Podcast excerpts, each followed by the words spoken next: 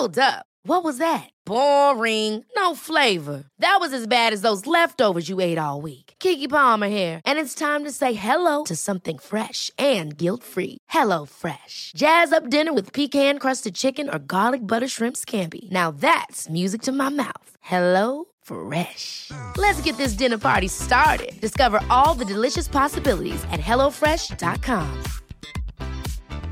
Hey, it's Ryan Reynolds, and I'm here with Keith, co star of my upcoming film, If, only in theaters, May 17th. Do you want to tell people the big news?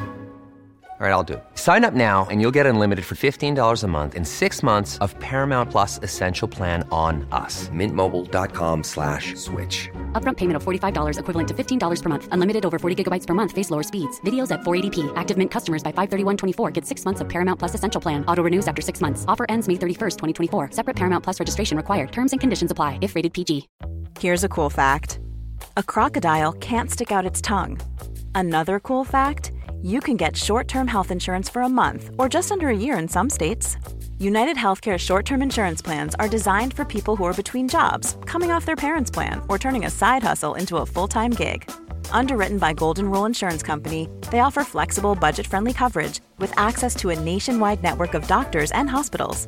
Get more cool facts about United Healthcare short term plans at uh1.com. I can discuss some of the psychological aspects of the case. You've got to get a hold of yourself. Now look here, Johnson, I'm going to get to the bottom of this. I can discuss some of the psychological aspects of the case. And you're really crazy, you know that? Oh, yes, I remember that. Is this any concern of yours? Stop, stop, stop it now. I mean it. Ja, hei, det er psykolog Sondre Livre her. Diagnosen er dessverre svært alvorlig.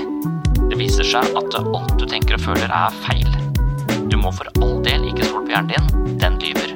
Alt du opplever er filtrert via nevroser fra ubevisste avkroker. Hvis du følger nøye med, er det en liten mulighet for at jeg kan hjelpe deg. I can discuss some of the I can discuss some of the I can discuss some of the psychological aspects of the case. Well, I'm just losing my mind, that's all.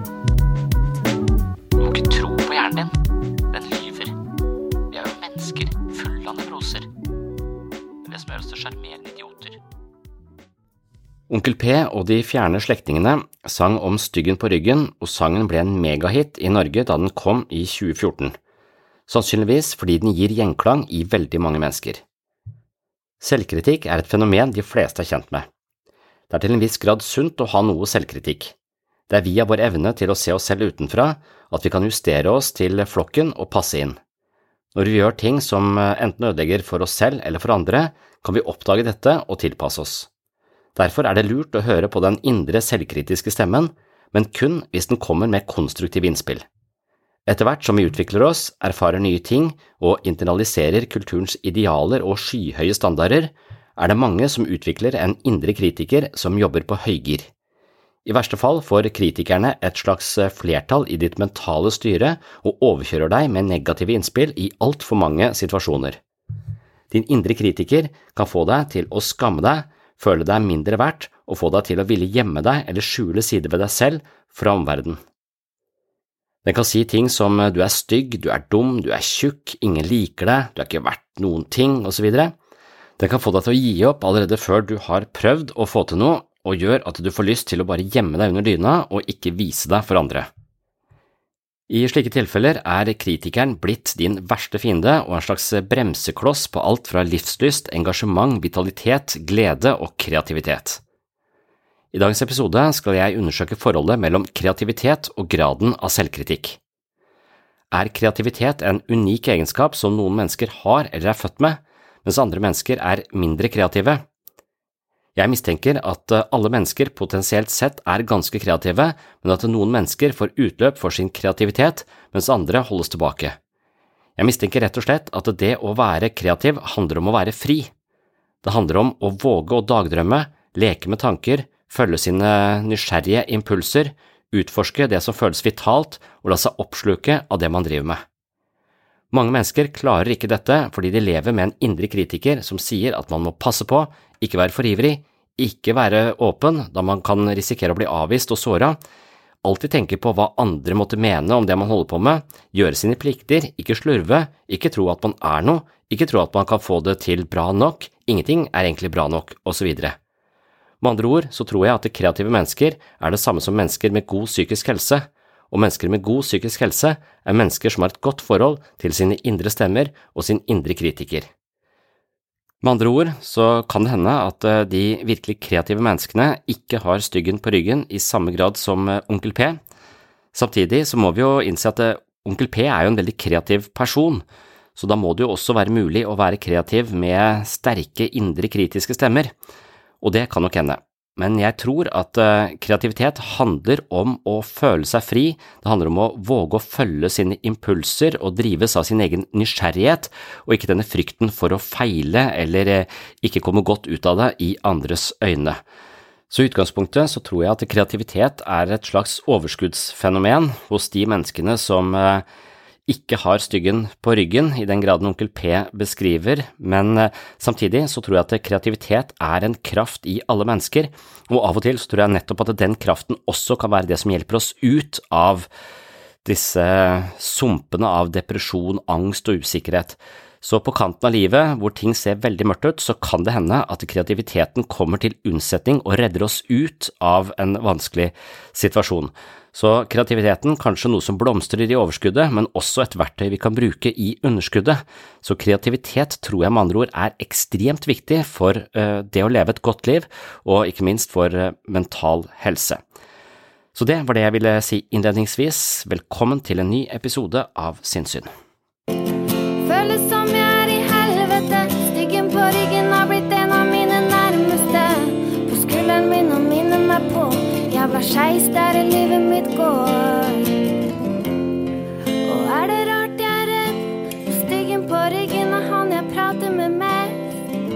på skulderen min og sier til meg at jeg kommer ingen vei her i livet.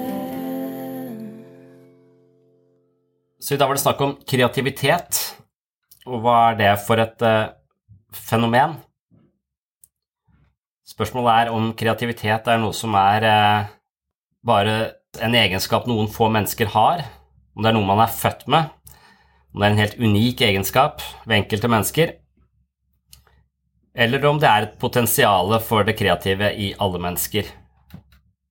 Jeg heller vel mot den mest attraktive forklaringen, at det er et potensial i alle mennesker, og at kreativitet kanskje egentlig ikke er noe annet enn god psykisk helse når det kommer til et stykke. Det er det, det er det, å være fri, det er det å kunne assosiere fritt, det er det å kunne tenke tanker uten å mene at de tankene var feil, eller sånn burde man ikke tenkt, eller hva tenker andre om at jeg tenker sånn? Altså uten alt det politiet, være fri, være mentalt fri, det tror jeg er kreativitet. Og Derfor så er det ikke alle mennesker som er eh, kreative, for de har ikke den kreativiteten tilgjengelig. Fordi de har en eller annen eh, politimyndighet i sitt eget hode som eh, struper ethvert tilløp til eh, fri utfoldelse.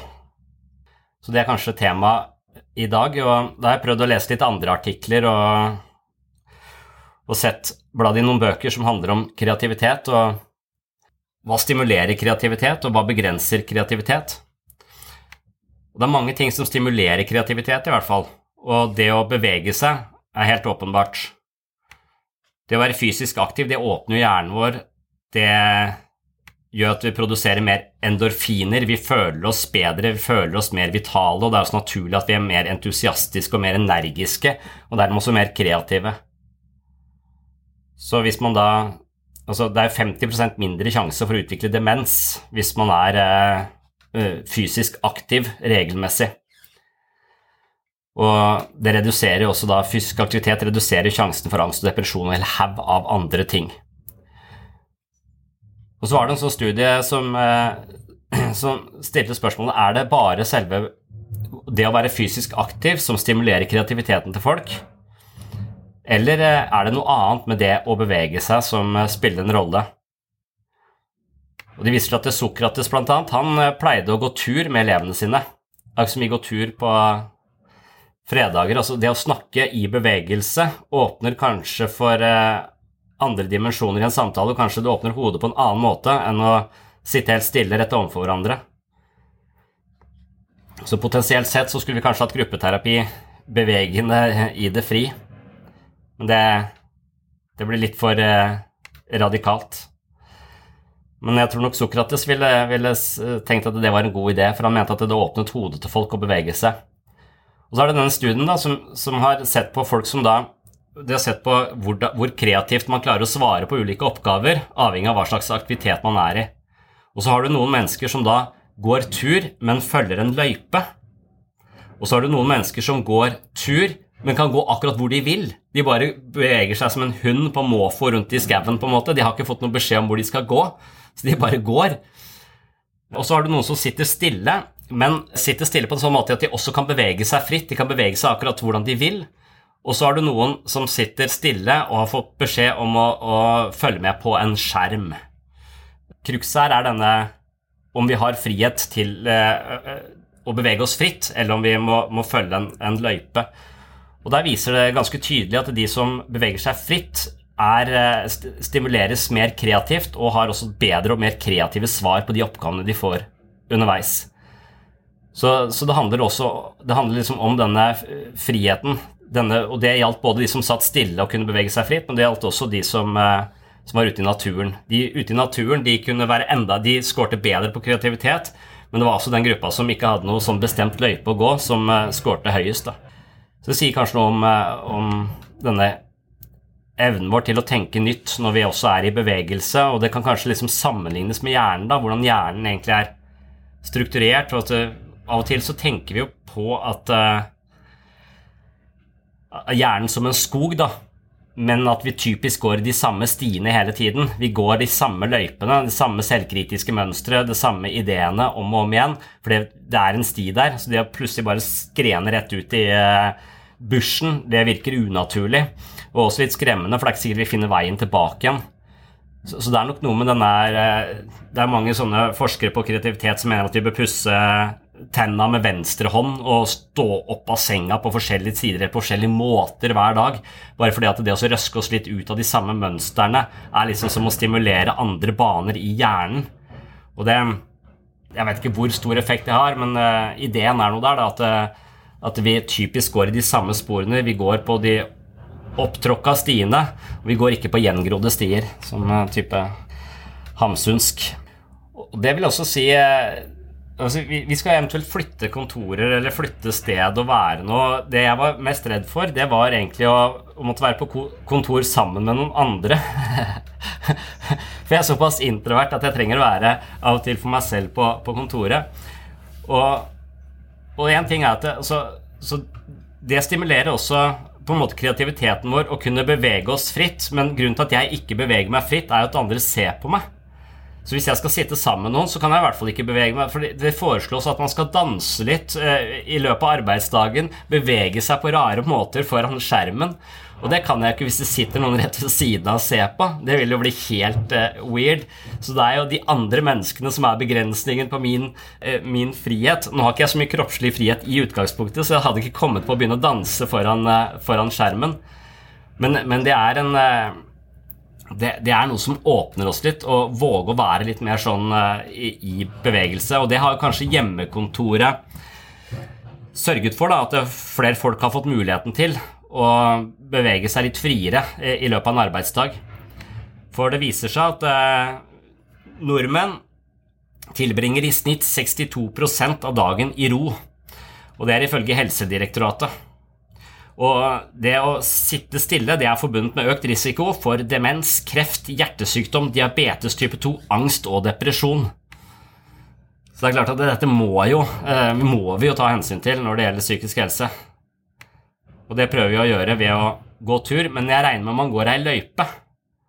Det, det, ikke, det, vet jeg ikke, men det, det, det gjør man vel eh, som regel.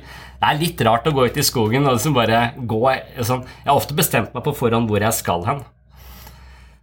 Men nå har jeg hatt en sånn periode med barn i skogen igjen. Da, sånn at de, og jeg ser jo Det er vanskelig å dra de vekk fra en iPad, denne stillesittinga, eh, men, men, det tar ikke så lang tid ute i skogen for de løper rundt, og pinner blir til eh, gevær, og en svær stokk ble til en troll den der troll... Plutselig er dattera mi Gandalf ikke sant, rundt ute eh, ut, på et eller annet og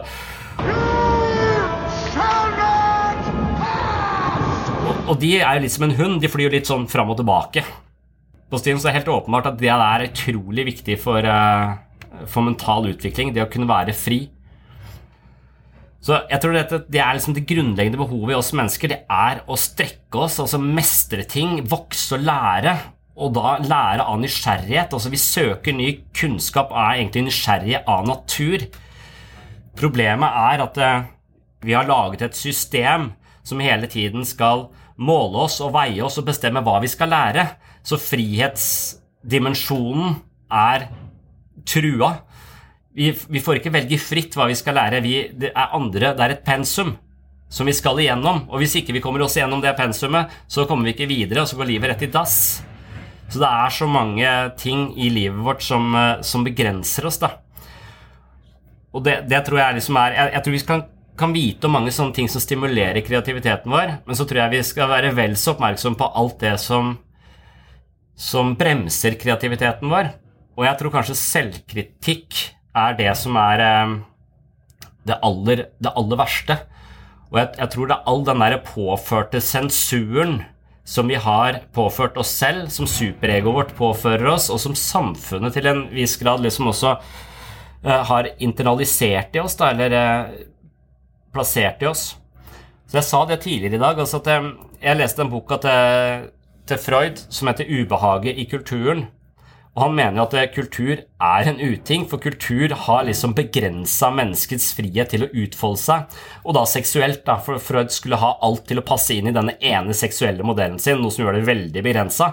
Men, men, selve ideen er jo ikke så, så gal, og da, da mener han at det, denne, det finnes sånne urhistorier som symboliserer hva som skjedde med mennesket, og en av de er eh, første gangen en person gikk ut i naturen, eller en, en mann da, gikk ut i naturen, og så brenner det. Så motsto han fristelsen for å tisse på brannen for å slukke den. Isteden tok han med seg brannen hjem til hula og, og varmet opp, øh, opp, hula. Så det, ble, det, så, så det er liksom det siviliserte mennesket fødes der sånn når vi klarer å hemme våre, våre umiddelbare impulser. Det skjedde med meg i skogen, da, for sønnen min har lyst til å tisse på bålet, men han kan ikke gjøre det før vi har lagd pølser. Men, men, det er denne iboende behovet for å tisse på bålet som, uh, som, etter hvert også sannsynligvis Hvis du er voksen, så er det uvanlig å tisse på bålet, i hvert fall hvis du er med flere familier. Jeg tror det ville Altså, Barn tisser på bålet, det er en naturlig tilbøyelighet hos oss, men den undertrykkes langsomt. Eh, og det er også en krav i, i, i kulturen, og et bilde på kulturens krav. da som undertrykker alle våre naturlige tilbøyeligheter, og så får vi nevroser, da, ifølge Freud, og det er jo veldig, veldig også detroniserende nærmest på kreativiteten vår, utfolde, vår evne til å utfolde oss. Da. Så sannsynligvis så, så, så, tenker jeg at det, det å være kreativ, det er egentlig å være fri. Og det handler om å våge å følge assosiasjoner, våge å bevege seg fritt, være en, en, en fri person. Og så tror jeg det motsatte av kreativitet er psykisk uhelse. Altså utrolig mange føringer og selvkritikk som handler om at vi ikke tør å vise hvem vi er. Denne selvkritikken, det tror jeg er Det er liksom virkelig bremseklossen på, på vår evne til å, til å, uttrykke oss og leve opp til det potensialet vi har, egentlig vokse så, som, som mennesker. Og selvkritikk er i utgangspunkt en god egenskap, kan man si. Da. Det er jo liksom det som gjør oss til mennesker. Det er det som også skjedde i Edens hage, at vi ble selvbevisste. Så vi har denne unike evnen da, til å se oss selv utenfra. Sånn at vi kan liksom vurdere oss selv, og vi kan ta inn over oss uh, de feilgrepene vi gjør, og lære av de. Så selvkritikken i passelige mengder er jo veldig nyttig og fruktbar. Den gjør at vi kan justere oss. Det er metakognisjon. Vi kan se oss selv, vi kan se måten vi tenker på. Det er også det vi prøver å dra veksel på i psykoterapi. Prøve å, prøve å se på ja, se oss selv utenfra. Og da er spørsmålet hva slags briller har du på deg da? Problemet er nok at når vi ser på oss selv, så ser vi også andre mennesker. Vi ser hvordan samfunnets idealer er. Vi ser hvordan foreldrenes idealer er. Vi ser foreldrenes formaninger. Så den linsa vi ser oss selv med, den er så forkludra av påbud og forbud og plikter og du burde og du skal og du må ikke. Så, så, så, det er et, et tjukt sånn Snapchat-filter på vår egen måte å se oss selv på, som er fullt av selvkritikk og evnen til å sammenligne oss med så mange andre. Og i sammenligningen med andre med det sammenligningsgrunnlaget vi har på sosiale medier, så vil vi alltid føle at vi kommer til kort. Og derfor så, så vil skammen oppstå. Da. Følelsen av ikke være god nok vil, eh, vil, vil, oppstå. Så vi har en egen evne til å se oss selv utenfra som kan korrigere for, for feil. Men den evnen den blir rett og slett bare at vi rakker ned på oss selv hele tiden, fordi at vi, vi aldri tenker at det, vi er gode nok eller eh, strekker til. da. Så selvkritikk, overdreven selvkritikk, det blir vår verste fiende. Det gjør at du holder deg selv tilbake. Du klarer ikke å leve det livet du har lyst til å leve. Du klarer ikke å ta ordet i jobbsammenheng. Du har, ikke, du har kanskje lyst til å skrive en bok, men du tør ikke. Altså, den, den som er veldig selvkritisk, den vil også ha dårligere relasjoner, fordi at man, eh, man av en eller annen grunn sliter med å være genuin og åpen. For at det, eh, hele tiden så vil denne selvkritikken si 'pass på, ikke la noen komme for nær', ikke si hva du egentlig mener, ikke vis hvordan du er innerst inne. Altså pass på, pass på, pass på hele tiden. Og da har du satt deg selv i dette mentale fengselet hvor det er null frihet og null kreativitet. Vi er jo tilbake til det samme, det er jo samme poenget, egentlig, men, men, det å tenke at man ikke er god nok og redd for at noen skal oppdage det, det er jo ekstremt angstdrivende. Det gjør jo at vi går rundt med en sånn grunnleggende følelse at noe er galt med oss og at vi ikke lever opp til standard i flokken rundt oss, og det er skam. Så selvkritikk det er jo egentlig en måte å forstå den følelsen av skam på. Så Piaget han snakker om at vi lager mentale modeller for å forstå oss selv og verden, og hver gang disse mentale modellene ikke stemmer overens med sånn verden fungerer, så må vi justere modellene våre. Det er det barnet holder på med. Barnet tror sånn og sånn, og så erfarer det sånn og sånn. Oi, måten jeg forstår det verden på, og måten verden fungerer på, henger ikke i hop. Jeg må justere min mentale modell av virkeligheten. Og Det kaller han for uh, assimilering, da. sånn at vi, vi, tar til oss ny kunnskap uh, på den måten. Og Da kan man jo forestille seg at denne, dette filteret, når vi ser oss selv og ser hvordan vi ikke strekker til eller sammenligner oss med andre, det gir en følelse av skam, så den indre modellen er skam. Og for å gi den en slags språk, så blir det selvkritikk. Det blir stemmer som forteller oss hva som er galt med oss. Og disse selvkritiske stemmene de skal jo egentlig sørge for at vi Altså, det er så livsfarlig for oss å ikke passe inn, da. For det å bli utstøtt av flokken, det er liksom dødelig for oss, nærmest, når vi er flokkdyr. Så disse kritiske stemmene de er der også for å minne deg på hva du ikke bør gjøre. Og hvis du har på en eller annen måte trådt feil i en eller annen sosial fellesskap på et eller annet tidspunkt, da vil du få en stemme som minner deg på det. Husk på å ikke gjøre sånn, husk på å ikke gjøre sånn, husk på å ikke gjøre sånn. Og så er den egentlig der for å hjelpe deg og ikke havne utenfor flokken igjen. Men ofte så har vi så mange av de, og vi har så mange sånne selvkritiske stemmer fra så mange situasjoner og så mange standarder vi ikke klarer å leve opp til, at det blir helt overveldende, og vi, har, vi klarer nesten ikke å komme av flekken i det hele tatt da vil denne følelsen av skam vi har inni oss, den vil på en måte legitimeres av de stemmene som sier at vi ikke er gode nok, noe som også vil bremse hele livsprosjektet. Så jeg tror ikke kreativitet egentlig er noe annet. Det hører til oss mennesker som er frie, som har en eller annen sånn godt forhold til sin indre kritiker, ikke lever i et diktatur. Da er vi tilbake på den forskjellen på altså, det å vokse, det å mestre livet, det å føle mestring, det tror jeg ligger naturlig i. Det kan man se på barn. De prøver å utforske, de, de liksom, de, men de drives av nysgjerrighet. De drives av sin egen nysgjerrighet uh, og skapertrang, på sett og vis. Mens etter hvert som vi får mange formaninger, så drives vi ikke lenger av Vi, vi, vi vil fortsatt vokse, men vi har ikke nødvendigvis den indre motivasjonen. Vi vil vokse og tilpasse oss sånn at vi blir sånn som andre mener vi burde være. Og plutselig så har vi da en helt annen motivasjon som kommer utenfra. Vi lærer ikke av nysgjerrighet, vi lærer av frykten for å ikke være god nok. Så det er mye vekst i det å frykte å ikke være god nok. Det er veldig motiverende, det òg, men den motivasjonen, den brenner deg ut. Så hvis motivasjonen i jobb f.eks. handler bare om å tilfredsstille krav og komme på tida og ikke bli tatt på noe, så, så, vil, det, så vil det være eh, ekstremt etter hvert meningsløst å holde på med det. det vil, du vil bli utbrent, det vil være slitsomt, være anstrengende. Og jeg tror veldig mange mennesker nesten lever livet sitt for å tilfredsstille ytre krav, og til slutt glemmer, ikke har noe igjen av den ilden som brenner, denne kraften som er drevet av vår egen nysgjerrighet. Da. fordi vi ikke får lov til å tisse på bålet. Du må ha lov til å følge lystprinsippet innimellom, og, og finne en måte å kanalisere det på. da. Og det å være veldig selvkritisk, som jeg tror veldig mange av de menneskene vi møter i dette systemet er, det er, også, det er helt klart assosiert med frykt for å feile, og de har veldig vanskeligheter med å komme i gang med ting. Altså, de prokrastinerer veldig mye, og de har veldig vanskeligheter med å fullføre de tingene de faktisk begynner på. Så Det er også da assosiert med lav livskvalitet og psykiske helseproblemer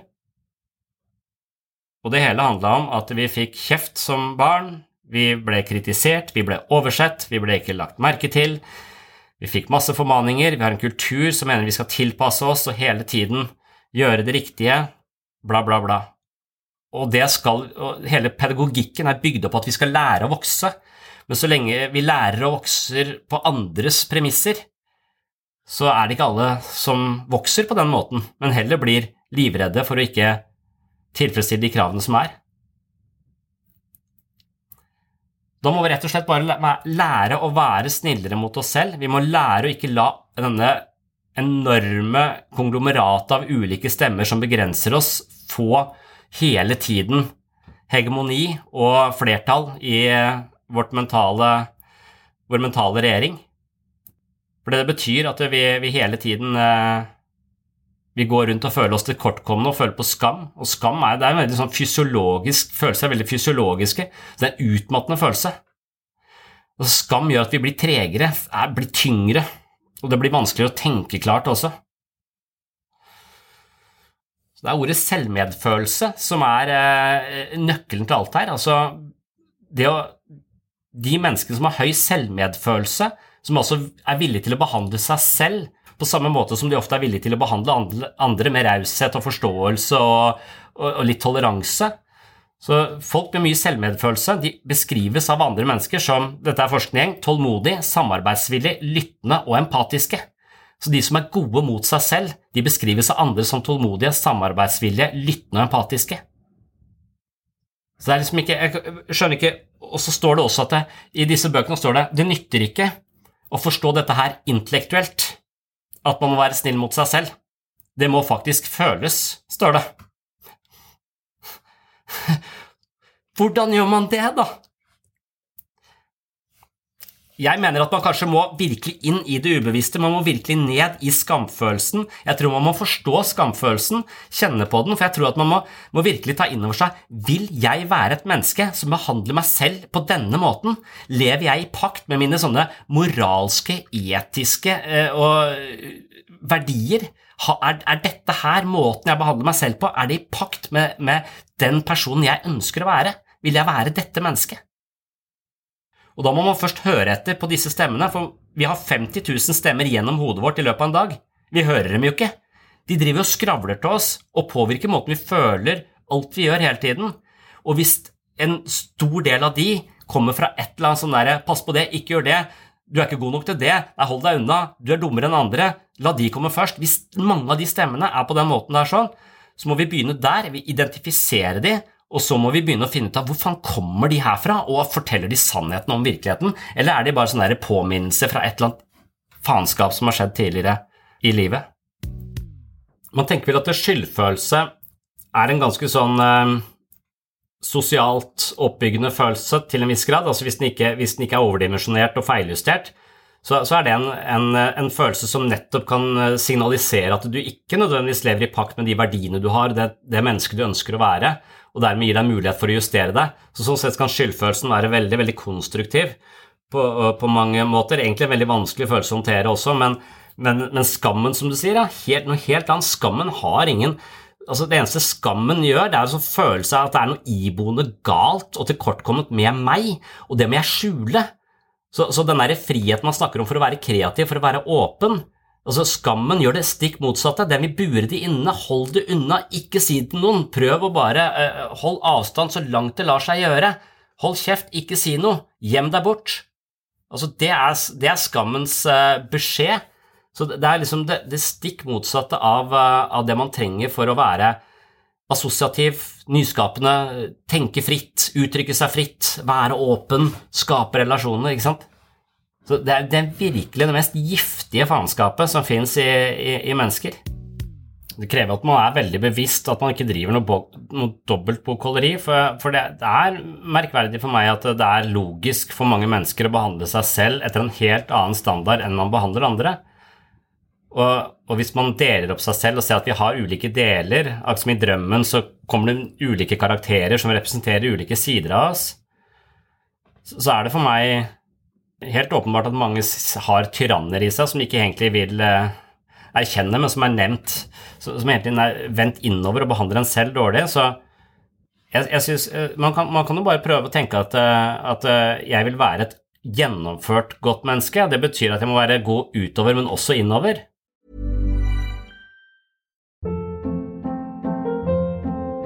Hold up. What was that? Boring. No flavor. That was as bad as those leftovers you ate all week. Kiki Palmer here, and it's time to say hello to something fresh and guilt-free. Hello Fresh. Jazz up dinner with pecan-crusted chicken or garlic butter shrimp scampi. Now that's music to my mouth. Hello Fresh. Let's get this dinner party started. Discover all the delicious possibilities at hellofresh.com. Life is full of what ifs. Some awesome, like what if AI could fold your laundry? And some, well, less awesome, like what if you have unexpected medical costs? United Healthcare can help get you covered with Health Protector Guard fixed indemnity insurance plans. They supplement your primary plan to help you manage out of pocket costs. No deductibles, no enrollment periods, and especially no more what ifs. Visit uh1.com to find the Health Protector Guard plan for you. Wow. Nice. Yeah. What you're hearing are the sounds of people everywhere putting on Bombas socks, underwear, and t-shirts made from absurdly soft materials that feel like plush clouds. Yeah, that plush. And the best part? For every item you purchase, Bombas donates another to someone facing homelessness. Bombas. Big comfort for everyone. Go to bombas.com slash ACAST and use code ACAST for 20% off your first purchase. That's bombas.com slash ACAST. Code ACAST. Så du, du, kan ikke være et, Hvis du bare er et halvveis godt menneske, så er du, så er du god, et godt menneske for andre, men en psykopat mot deg selv. Da er du fortsatt en psykopat i min bok, det har jeg sagt mange ganger. Jeg mener at det, Hvis du behandler deg selv psykopatisk, så er det en del av deg. Du, er, eh, du har den delen av det, den, den, må du se på. Altså, Hvorfor skal den få lov til å utfolde seg, seg fritt mot deg selv?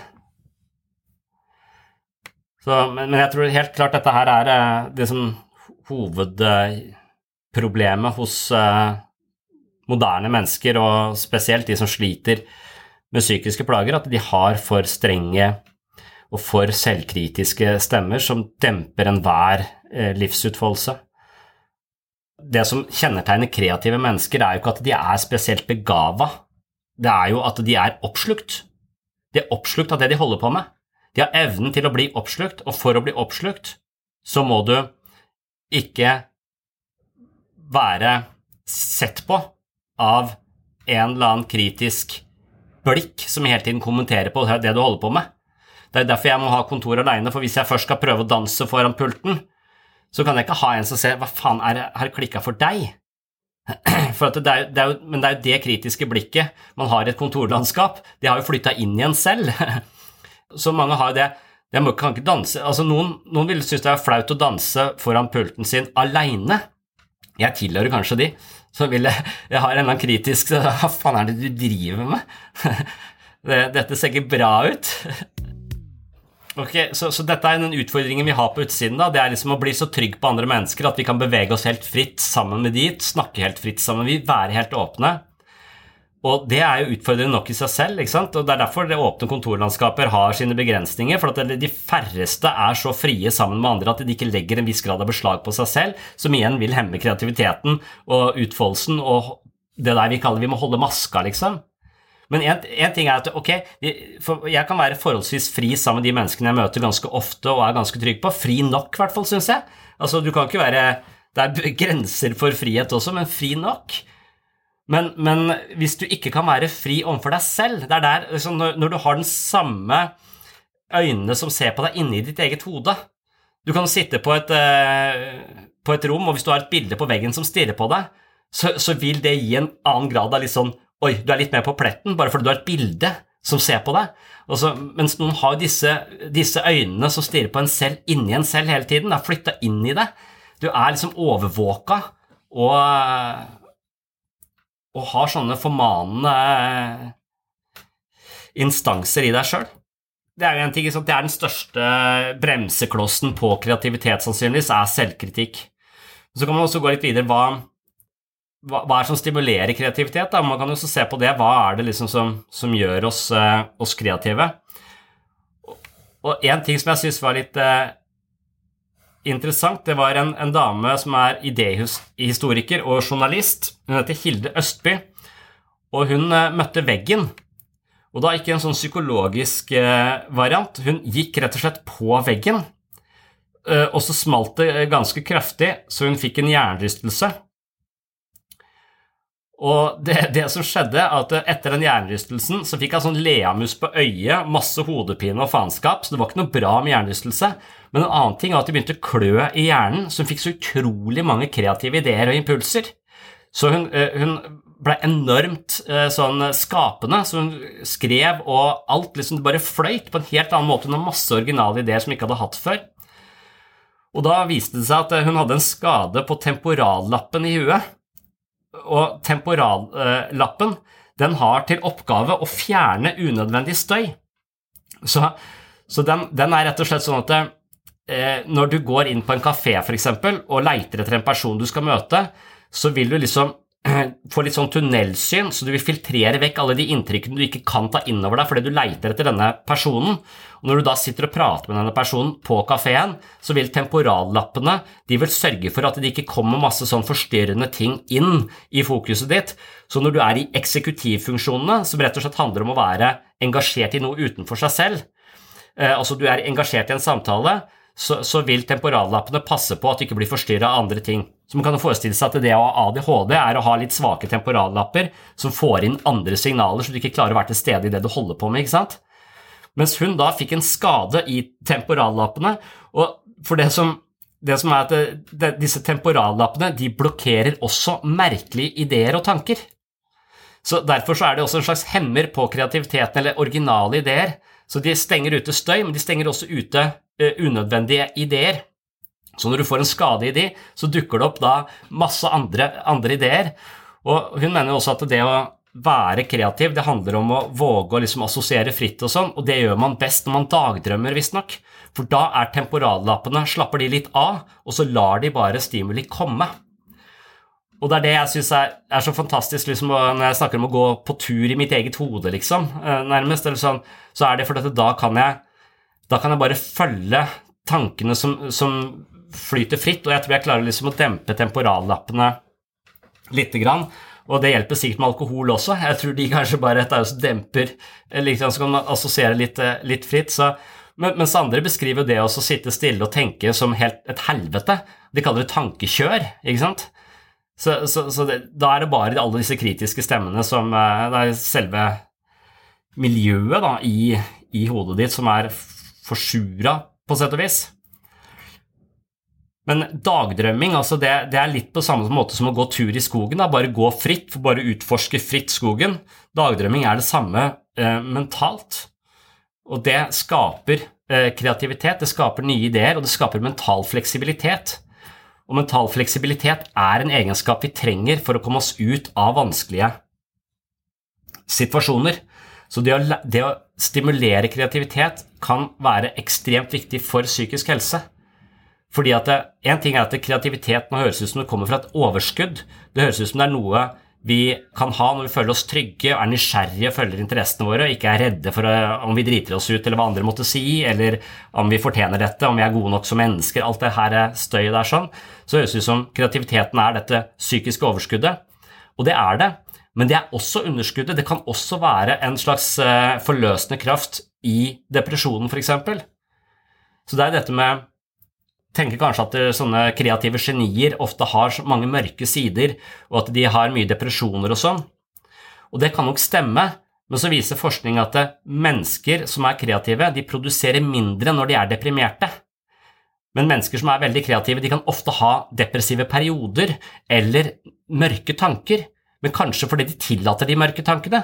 Kanskje fordi at de ikke bare flykter fra seg selv ved å leve så A4 som mulig og prøve å gå på den smale sti, altså at de, de våger disse impulsene, og så i neste omgang så kan kreativiteten komme som en slags gi dette her et uttrykk, så at det hjelper deg opp av mørket.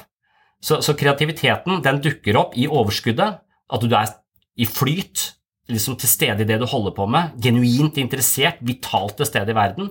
Men det kan også være løsningen når du ligger langt ned i myra, og liksom, Knausgård begynner å skrive boka si liksom når faren dør. Altså Det er i krisen at det, den kreativiteten også kan forløses og hjelpe deg ut. Så det er, det er en kraft som Det er virkelig en livskraft. Freud ville kalle det libido, tenke at det handler bare om seksualitet. Jeg tenker Denne livskraften her, sånn, jo mer den hemmes, jo mer sjanseløs er du med hensyn til å skape et meningsfullt og vitalt liv. Da. Den kraften den trenger du når du er langt nede, og du kan bruke den ekstremt til å skape så mye vitalitet og glede når du er oppe, men du er nødt til å, å gå noen runder med de negative, kritiske stemmene og det diktaturet du har i huet ditt, for at denne kraften i det hele tatt skal få lov til å gi deg det den trenger. Og hvorfor skal du gjøre det? Fordi det gjør deg til et mer tålmodig menneske. Det, gir, det gjør deg eh, mer empatisk overfor andre. Det gir deg et bedre Du blir en bedre person for andre, og du blir en bedre person for deg selv.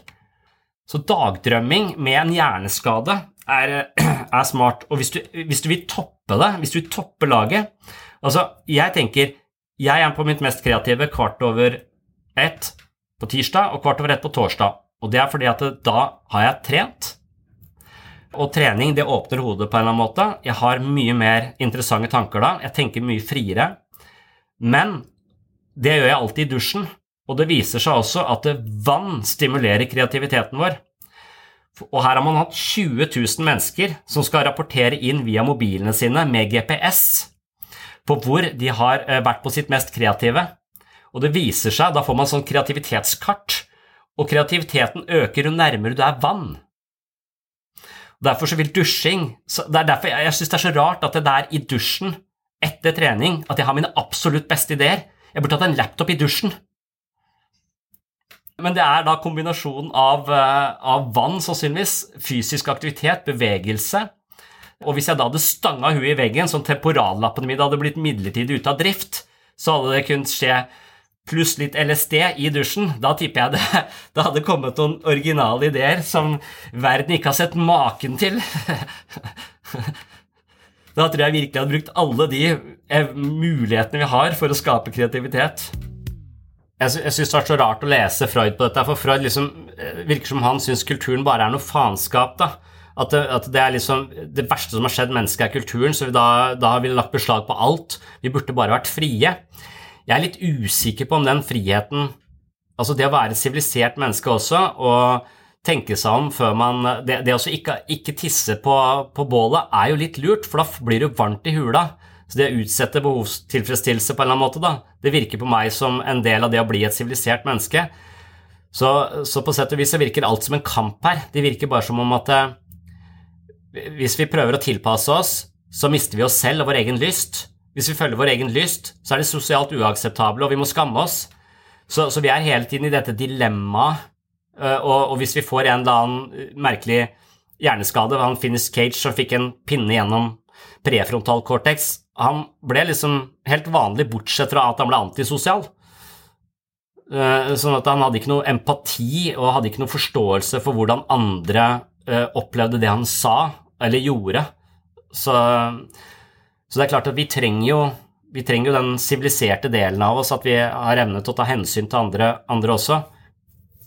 Men det er nesten som om at det har, eh, har fått litt sånn Pendelen har svingt litt langt der, da. At det er så mye i, eh,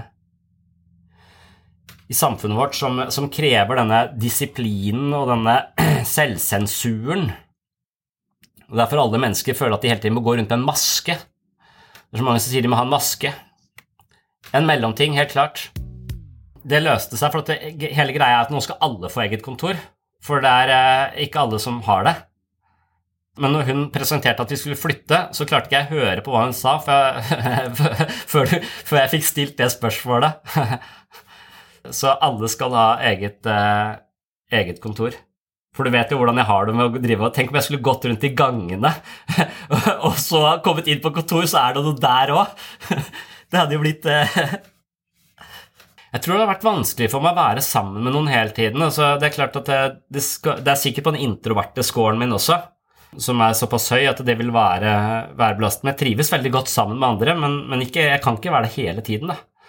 Jeg tror nok at eh, energien jeg hadde brukt i løpet av en dag, hadde vært ekstremt mye høyere så at jeg plutselig hadde kommet i en situasjon hvor, eh, hvor det å jobbe 100% ville for meg oppleves som 150. Og de 50 siste prosentene der sånn, ble for mye. Mens nå tenker jeg at det å jobbe er det, det lader batteriene mine. Jeg elsker det, på en måte. Det, det stimulerer meg. Det er vitalt, det er kreativt, for jeg, jeg har kommet liksom jeg, jeg, jeg er jo så forbanna på hele systemet som liksom legger opp til denne pliktskyldigheten, ikke sant? Denne den ideen om at jeg har solgt tida mi til Sørlandet sykehus, og da skal jeg bare drite i om jeg skal ha det bra eller ikke. Det spiller ingen rolle. Eh, jeg skal bare gjøre det, det som jeg får beskjed om. Jeg skal fylle ut alle skjemaene og gjøre min plikt. Så, så, så, jeg føler den der ideen vi har om at, eh, at, at, jobben er et sted hvor vi har, får betalt for det, og da må vi bare finne oss i hva som helst jeg, jeg, tenker det er litt sånn som med prostitusjon. Altså, når man tenker på det klassiske yrket prostitusjon, så tror jeg at det, hvis du er prostituert og liker det, så tror jeg du har ikke bedre prostituert enn hvis du er prostituert og hater det. så, så, jeg tror hvis du først velger å være prostituert, så bør du elske jobben din på en eller annen måte. Og, og jeg, jeg mener jeg har hørt intervjuer med prostituerte som nettopp gjør det. Så de elsker det og får betalt for det. Og det tror jeg er den, den eh, nøtta vi må knekke, og, men jeg tror siden arbeidslivet er liksom bygd opp på at vi har sånne administrative ting og rapporter og overvåkes i Excel-skjemaer og skal måles og veies, og at vi ikke har lov til å gjøre noe feil, så er det et arbeidsliv som eh, blir en påtalemyndighet og struper all form for kreativitet. da. Og det er, ikke, det, er ikke, det er, ganske fritt, vil jeg si, men, men, hvis du ser til Silicon Valley og sånn tech-bransjen, som virkelig har tatt dette her innover seg, så har de sånne sabbatsår hvert sjuende år. For da skal alle de ansatte få lov til å bare ut og reise hvor de vil. At, og de gjør ikke det fordi de taper penger på det, de vet at det å sette mennesker fri, det å la de følge impulsene sine, nysgjerrigheten sin, gå opp nye stier inne i huset sitt og i verden for øvrig, når det var lov å fly, uten å skamme seg over det eller komme seg ut. Da trenger ikke egentlig reise så langt heller, men, men, men, bare bevege seg fritt, da. Det får de så mye tilbake. Da får de De trenger innovasjon, de trenger nyvinning. De, de trenger det, og da kan du ikke drive og piske folka dine og klokke de inn på bestemte tidspunkter. Og overvåke at de er der når eh, ikke sant? Arbeidsmiljø, hvor du har en eller annen fyr som driver og sjekker når du kommer og går det, det, er, det er, virkelig en svulst ass, på et system. Da har du utgangspunktet for lite å gjøre sjøl, men det er sånne kulturer på arbeidssteder hvor man driver og sjekker Han kommer litt seint, så går han litt tidlig ja, Kanskje han løser problemer i hodet sitt uten at du veier Jeg vet da faen. Jeg, jeg, altså, jeg, tenker det er også vårt ansvar å se om vi klarer å få, få stimulert nysgjerrigheten og interessen vår i en jobbsituasjon også. Og det er ikke selvfølgelig ikke alle jobber som er lagt opp til det, men kanskje prøve å eie jobbsituasjonen. Det kan være at du, du må bite i den sure eplet, du må gjøre ting som er kjedelig, det er ikke det. Men, men, la oss si du jobber på butikk, da, og når du stabler varer, så kan du høre på klokka ni så kommer nitimen. Og det er alltid noen interessante gjester. Jeg vet ikke om nitimen er ennå, det hørte jeg på før.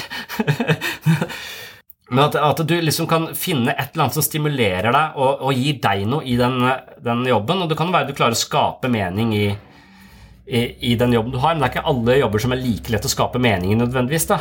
Men det går kanskje an å kombinere det på en eller annen måte. Jeg husker Timothy Leary, som var den derre LSD-guruen på 70-tallet, som eh, psykiater og forsket på psykedeliske stoffer, men da blei bura inn. Han, han, sa liksom når han satt i fengsel, at eh, jeg har aldri vært så fri som jeg er nå. Og Det er vel litt den tanken jeg av og til har hatt om hvis jeg kom, først kom i et fengsel, så kunne jeg jo vært total, Da hadde jeg hatt tid til å tenke helt fritt, da. Da hadde jeg ikke måttet tatt hensyn til alle disse tingene rundt meg, for da hadde jeg vært i fengsel, liksom. Så, det hadde vært en, så, så, for han så er det Han har en slags Du kan ikke sette han i fengsel, for med en gang du setter han stille, så er han mentalt totalt fri, da. Da trenger han ikke å ta hensyn til Så, så da Og det, det, er nok den der mentale friheten som, som, kanskje er den viktigste. Så akkurat hva vi gjør i livet vårt, så lenge vi er mentalt frie, så kan vi jo finne oss i ganske mye sånne ting vi må gjøre i, i verden, liksom. At, um, at det, men det er nettopp at folk sitter i et mentalt fengsel hvor det er der de ikke er frie. De er ikke frie mentalt. De er ikke frie til å tenke hva de vil, eller uttrykke seg sånn Jeg ser på disse Wonderland, denne serien om disse rånerne, og Torodd er en sånn fyr som virkelig har fått livet sitt på stell, og han jobber på Europris, tror jeg. Men, men han er liksom så han, han, kan virke litt sånn vulgær og litt sånn eh, Plutselig så fiser han i lunsjen, liksom. Det syns jeg er helt uhørt. Jeg blir helt sånn stressa av det. Og så ler han godt. Så, det er noe litt sånn ubehøvla over det, men det er et eller annet fritt over han. Det er et eller annet sånn at han, han setter pris på livet. Han er så glad i livet. Han er sånn, sånn og Jeg er ikke sikker på at det å fise i lunsjen er det du skal, men det er et eller annet med han som, som jeg syns er ganske fascinerende og flott. da. Han, han virker litt sånn mentalt fri, på en måte. Og han virker som et enormt godt menneske. Jeg føler han er genuin, han er glad i folk. Han er sånn sånn Jeg liker det mennesket. Og det er et eller annet med at det, kanskje rånermiljøet også er en slags opposisjon mot det Det er en slags Ja, det er noe revolusjonært i det å ikke holde fartsgrensa, nesten sagt. da. Eller Hvis det er snakk om jobb, da, så, så er det også forsket ganske mye på kreative team på jobb i jobbsammenheng, hva er det som kjennetegner grupper av mennesker som, eh, som, er kreative og jobber veldig bra sammen? Det var kanskje litt overraskende for meg, for der er, der er de forsket på grupper altså Det er to typer grupper de identifiserer. Det er de som er veldig opptatt av å trives sammen, ha det veldig hyggelig, ha med masse eh, kaker i lunsjen osv. Og, og, og er veldig opptatt av å ha god stemning, da. Det er eh, de minst kreative teamene, visstnok. Så de teamene som går for hygge, de er ikke spesielt kreative. Og det Mens de, de kreative eh, teamene, altså de, de kan fremheve individet. De tør å utfordre hverandre og hverandres ideer og der er altså den rollefordelingen mye mer sånn dynamisk strukturert, så hierarkiet Så tipset til ledere er jo egentlig å legge seg på så flatt hierarkisk som mulig, da, og prøve å gå litt ut av lederrollen og heller bare spille ball sammen eh, med andre mennesker og tørre å si sin mening. Så, så jeg tenker dette ga litt mer sånn håp til eh, Jeg tar det med en gang over til gruppeterapi, da, sånn, fordi jeg tenker at det, det er mange terapeuter som, som, er opptatt av det trygge og, og hele tiden være liksom å støtte hverandre, og hvis vi blir trygge nok, så vil vi utvikle oss av oss selv, liksom. Den der ideen om at sola som skinner på deg, varmer så mye at du tar av deg jakka blir mer åpen. Og jeg tror den er viktig, så jeg tror man skal være, ha den tryggheten. Men så tror jeg også at den, den muligheten til å være undersøkende til stede, den handler om at vi ikke har så mye politimyndighet i gruppa. Det er lov til å si ting, og den andre tar det ikke sånn direkte personlig. Det er mer sånn ok, du mener noe annet enn meg, men la oss se på det, istedenfor at å, altså du mener at min idé er dårlig, så du mener at jeg er dum. Altså, Med en gang du snakker til mennesker som har sånn veldig sånne kritiske stemmer i seg selv fra før, så stimulerer du bare den selvkritikken, og så blir det bare sånn Så du må få til et team hvor det å våge å uttrykke seg direkte overfor andre og si sin mening eh, er akseptabelt og ikke sett på som eh, noe på noen som helst måte som et angrep eller noe sånt. Men, men, men, det er de, de, teamene som har mer direkte tone, da, viser det seg er mye mer kreative. Og de er mye flinkere til å løse oppgaver. Og det tenker jeg at det vi trenger i gruppeterapi, er jo kreative team. Vi trenger jo team som virkelig kan tenke nytt om det folk sier. Prøve å tenke på en ny måte om det som ble sagt der. Prøve å oppleve deg på en annen måte enn det du selv opplever deg selv som. ikke sant? Altså at vi og, og, der kommer den der Det er kanskje til forsvar for min av og til direktehet da, i, i gruppa, altså, men, og hvis den er ondsinnet på noen måte, så er den jo bare skadelig, for da skaper den bare frykt. Så, men hvis den ikke er ondsinna eller kommer fra et eller annet sånn mørkt sted, så, så, det, så vil jo alle de som tør det, være med på å, å våge noe. Og jeg syns vi ofte har grupper som er veldig vågale, og det imponerer meg. Da tenker jeg vi er de kreative teamene. Og så hender det vi sitter fast i litt sånn trygghetsteam også. Her skal vi bare ha det hyggelig og kose, og, og jeg er helt enig med deg, og han er dum, og det er sånn at, vi, at det blir for Det blir stillstand, da. Det blir ikke noe særlig bevegelse. Så da koker liksom alt ned til ytringsfrihet igjen. Altså både i et sånt uh, samfunnsmessig perspektiv så er ytringsfrihet veldig viktig, men også i et mentalt perspektiv. Det er veldig mange mennesker som ikke har mental ytringsfrihet, slår det meg ofte. Altså at de gjør noe så tenker nei, det er ikke bra nok, og nei, de tenker sikkert ikke sånn, og jeg kan ikke være stolt av det, for stolthet er en følelse som er eh, selvsentrert, og da er du egoistisk og høy på pæra, og altså masse sånne at, det er ingen mental ytringsfrihet i, eh, hos, hos, mange mennesker. Og, og da er spørsmålet om, om, hvis man ikke har mental ytringsfrihet i sitt eget indre, kan man da inngå i et team som har ytringsfrihet? For da vil man ofte ytringsfriheten kunne virke litt for brå, om vi, om vi lett ta det personlig eller bli oppslukt av en, eh, av en meningsmotstander som mente noe annet. Ikke dermed sagt at den meningen var bedre enn din, men det var bare en annen mening. At man ved et sånt klima i seg selv lett kan komme til å tenke at ja, da liker de meg sikkert ikke fordi jeg mente noe annet. Eller altså at, eh, at den, eh, den, klamheten og den, den, tvangen som ligger i, i sånne mentale regimer, lett vil påvirke deg i, i møte med andre, og på arbeidsplassen også. da. Og i hjemmet, for den saks skyld. Bare i, i et partnerskap, nesten sagt. Altså hvis du er sånn jeg har bilder på mennesker som kommer inn i grupper og, og, og virkelig uttrykker seg såpass fritt at det, at det skaker ved hele gruppa, liksom. Som at den Er det mulig å si det? Sa han det nå? er, er det, sa han virkelig det? og at det er utrolig befriende, også litt sånn vågalt at noen tør, tør det. Jeg tenker det, det som snakket om sist, at det reflekterer sikkert også i drømmene våre. Det var En tredjedel av mennesker drømmer jo nesten ikke, for at de kanskje rett og slett har sensurert det såpass mye og undertrykt det så mye, altså selv i drømmen så er det ikke noen frihet til å assosiere fritt. da. Mens de som drømmer mye, de har kanskje en mye større ytringsfrihet og tillatelse til ulike rare ideer, og syns ikke at jeg er dum fordi jeg er en rar idé, men syns at jeg heller jøss, det var en merkelig idé, produsert av denne hjernefabrikken. Hva er det den jeg egentlig prøver å formidle? Så da er vi tilbake til man, man blir jo redd for tankene sine, for det er ikke lov til å tenke hva som helst. Vi er jo i 1984, liksom. George Orwell, her er det tankepoliti. Så du har ikke lov til å tenke de, de tankene som tankene er eh, i seg selv er en slags kan gjøre skade. Og mange tror jo det, så, så, når de da får tanker som eh, de føler ikke hører hjemme, eller eh, drømmer som virker aggressive og, og farlige, så, så, er det ikke noen nysgjerrighet på Oi, kanskje jeg har undertrykt sinnet mitt så lenge nå at jeg er i ferd med å lage en bombe mentalt og sprenge noen, men egentlig så imploderer det, så det er meg selv som sprenger i lufta nå. Det begynner jo å koke i sånne regimer på et eller annet tidspunkt, når det aldri er lov til å tisse på bålet.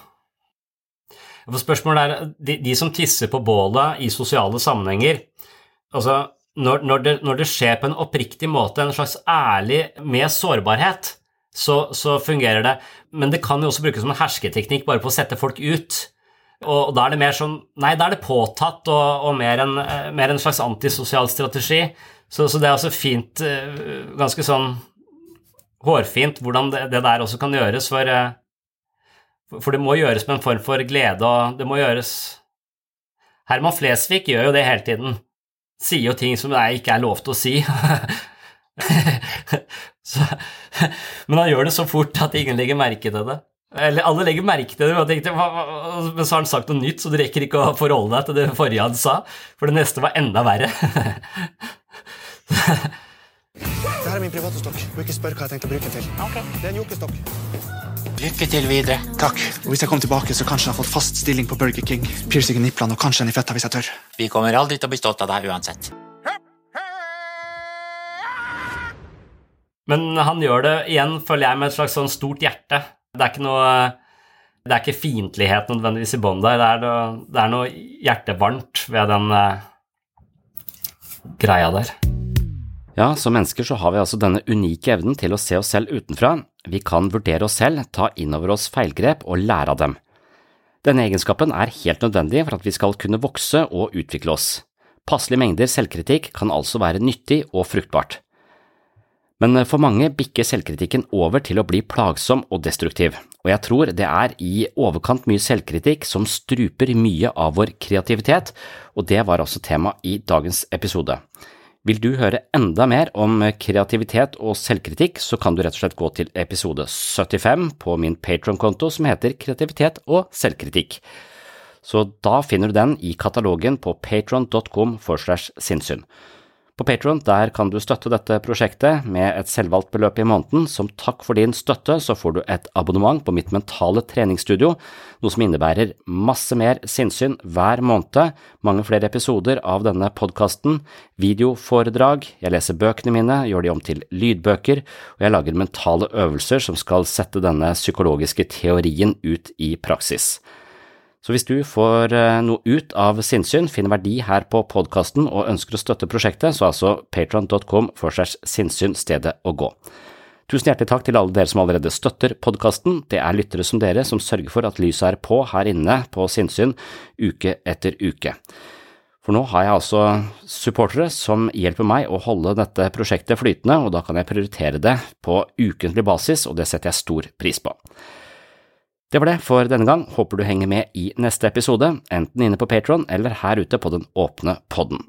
Nå Skal jeg faen meg gruppepenetrere hele kjernen på andre sida? Oh, I'm just losing my mind, that's all.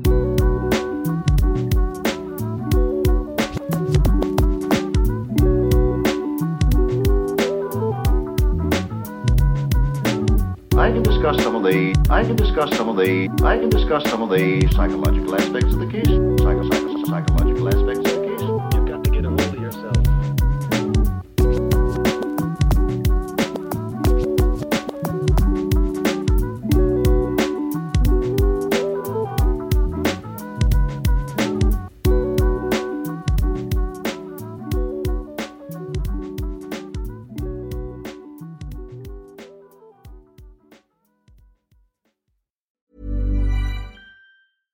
Ever catch yourself eating the same flavorless dinner three days in a row? Dreaming of something better? Well, HelloFresh is your guilt-free dream come true, baby. It's me, Kiki Palmer. Let's wake up those taste buds with hot, juicy pecan-crusted chicken or garlic butter shrimp scampi. Mm. Hello Fresh. Stop dreaming of all the delicious possibilities and dig in at HelloFresh.com. Let's get this dinner party started. When you make decisions for your company, you look for the no brainers. If you have a lot of mailing to do, stamps.com is the ultimate no brainer. Use the stamps.com mobile app to mail everything you need to keep your business running with up to 89% off USPS and UPS. Make the same no brainer decision as over 1 million other businesses with stamps.com. Use code PROGRAM for a special offer. That's stamps.com code PROGRAM.